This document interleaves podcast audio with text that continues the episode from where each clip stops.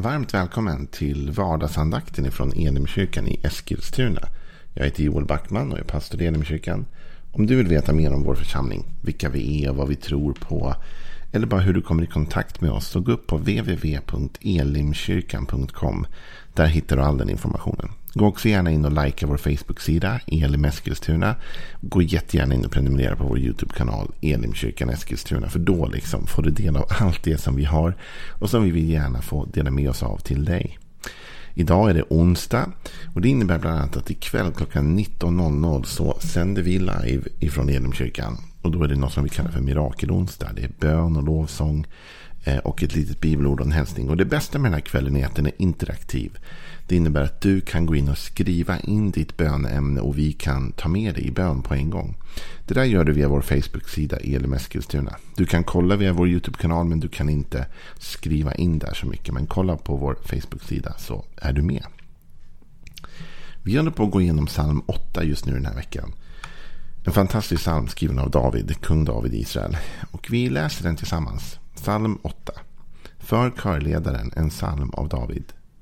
Herre vår härskare, väldigt är ditt namn över hela jorden. Jag vill besjunga din himmelska prakt med ett barns, ett dibarns mun. Du har rest ett värn mot dina fiender för att betvinga ovän och hämnare. När jag ser din himmel som dina fingrar har format, månen och stjärnorna som du fäster där. Vad är då en människa att du tänker på henne? En dödlig att du tar dig an honom. Du gjorde honom nästan till en gud med ära och härlighet krönte du honom. Du lät honom härska över dina verk. Allt lade du under hans fötter. Får och oxar, all boskap och markens vilda djur. Himlens fåglar och havets fiskar. Allt som vandrar havets stigar. Herre vår härskare, väldigt är ditt namn över hela jorden. Vi har talat mycket om de här första verserna. Om, om att David erkänner att han, även om han är kung, har en regent över sig. Herre vår härskare. Att Guds namn är väldigt över hela jorden. Det här är en global rörelse, en global tro. Eh, men också att vi besjunger Guds himmelska prakt och att det finns en himmelsk, en andlig dimension. Och att det är den andliga dimensionen vi söker oss till för hjälp och stöd. När vi inte själva kan hantera det vi har runt omkring oss. Fader vår som är i himmelen bad Jesus och lärde Jesus oss att be. Här säger David i vers 3. Med ett barns, ett dibarns mun. Han säger jag vill besjunga sen i vers 2. Din himmelska prakt med ett barns, ett dibarns mun. Jag tycker att det är fascinerande att David talar om det på det här sättet. Väldigt mycket när man läser den här salmen så lyfter han ju in olika dimensioner, kan man säga så, av livet. Först är det liksom vår position, att, att han vill ha en, en regent över oss, en härskare över oss, och att leva livet med det perspektivet.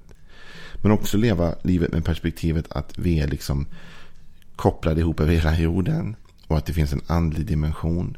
Men sen också att leva nu då livet med ett barn, ett barns perspektiv.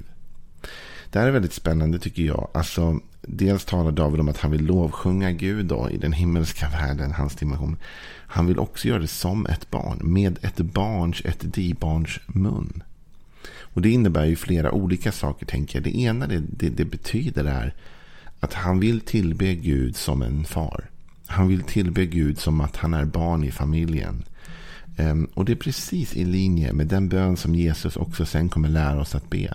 Det är det som är spännande. När vi läser om David i Bibeln så säger Bibeln att David var en man efter Guds hjärta. Och vi vet att David gjorde massa dumma grejer. Han, han sjabblade till en hel del saker i livet. Men det är ändå spännande att se att när David skriver den här salmen och talar om sin tillbedjan till Gud. Så är den så i linje med hur Jesus själv tillber. Och vi förstår att det beror på att de har samma hjärta. Va? Att David Även om han här då inte lever i det nya förbundet och han lever liksom ändå med en gud som är mer härskare kanske än fader. Så är det ändå så att han i den här versen vill lägga in detta. Jag vill lovsjunga dig med ett barns, ett dibarns mun. Med andra ord, jag vill tillbe dig som ett barn. Jag vill tillbe dig som att jag vore ditt barn, att jag vore del av din familj. Jag vill tala med dig Gud. Jag vill sjunga till dig som jag sjunger lov till min far. Väldigt intressant. Och Jesus är inne på det. För Jesus säger ju Fader vår som är i himmelen. Så när Jesus säger det så talar han också om att vi ska tillbe Gud och be till Gud som om han är vår far. Eller som att han är, han är ju vår far. om vi har tagit emot honom som, och blivit barn i hans familj. Eller hur? Anden vittnar tillsammans med vår ande om att vi är Guds barn, säger skriften. Så vi förstår att om vi har tagit emot Jesus i vårt hjärta, då blir vi del av familjen. Åt alla de som tog emot honom, säger skriften, gav han rätten att bli ett Guds barn. Så när du tar emot Jesus i ditt liv, då får du rätt att bli del av familjen. Och då kan du lovsjunga Gud med ett barns, ett dibarns mun. Då kan du välja att komma till honom som du kommer till din förälder.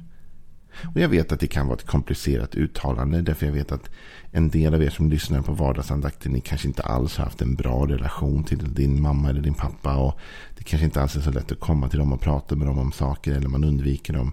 Men Gud är en god fader. Han är som en fader borde vara. Han är som en pappa borde vara. Och när vi kommer till honom ska vi kunna komma med den frimodigheten som ett barn kommer till sin, för, sin förälder i, i det förhållandet att det är ett tryggt och ett sunt och ett bra förhållande. Det vill säga ett barn som växer upp i ett hem med en trygg pappa och mamma som gör det rätta och som lever utifrån kärlek och allt detta. Det barnet kommer med en viss frimodighet till mamma och pappa. Och Bibeln säger här att vi kan komma med samma frimodighet inför Gud. Att lovsjunga Gud med, med ett barns, ett di-barns mun. Att inse att när jag talar till Gud så är han min pappa. En del kan ha svårt med det. Speciellt om man lever livet. Vi talade om nåd förra veckan. Men om man lever livet mer lagiskt. Mer utifrån ett liksom, att man ska göra rätt och förtjäna perspektiv.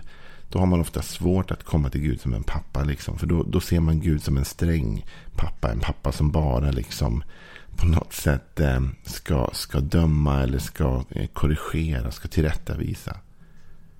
Men om man ser Gud som en nådefull pappa, om man ser Gud som en god pappa, en sån pappa som förlåter, en sån pappa som har överseende, då är det den pappan vi kommer till.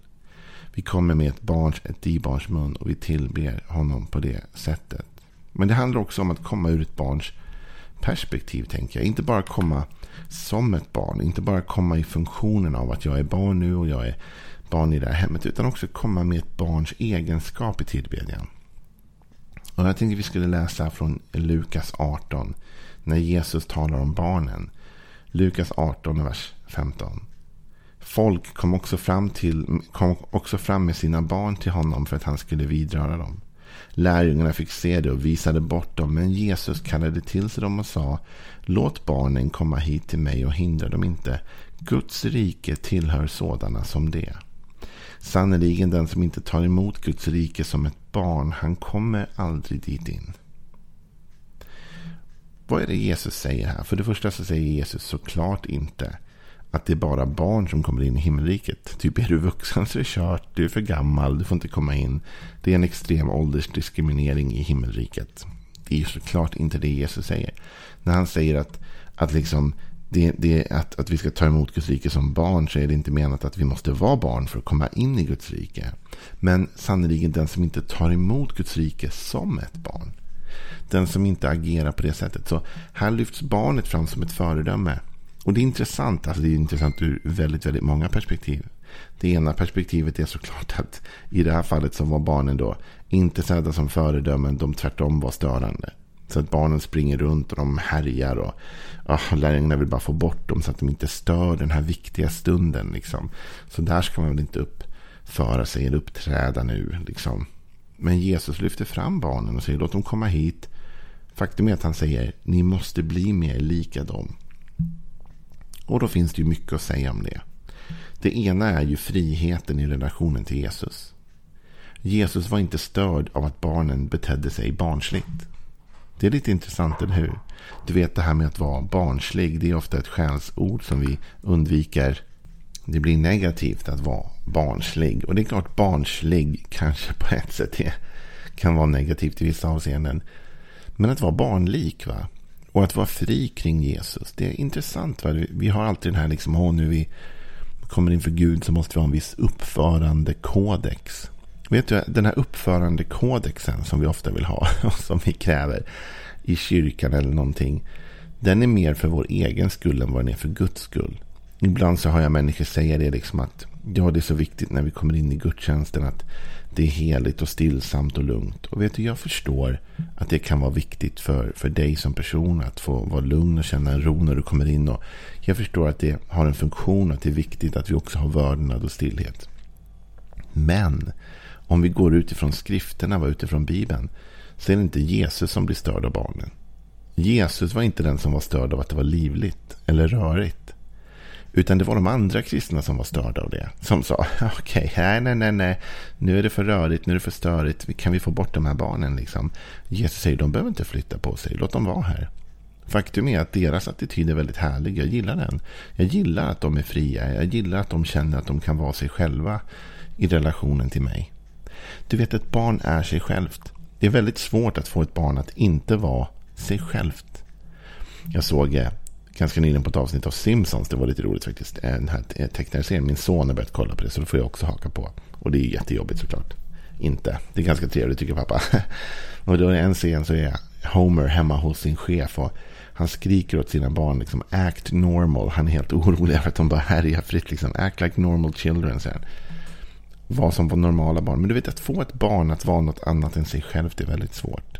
Det är väldigt svårt. Det tar lång tid för oss att fostra fram det här maskbeteendet som vi sedan använder resten av livet.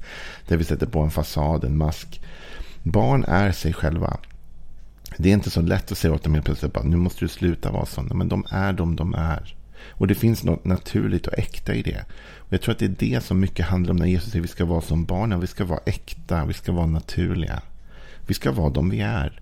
Även i hans närhet och närvaro. Såklart med ett mått av respekt och vördnad men samtidigt som ett barn i familjen. Inte allt för hårt bundet av någon sorts uppförandekodex här, utan vi är fria att vara med honom.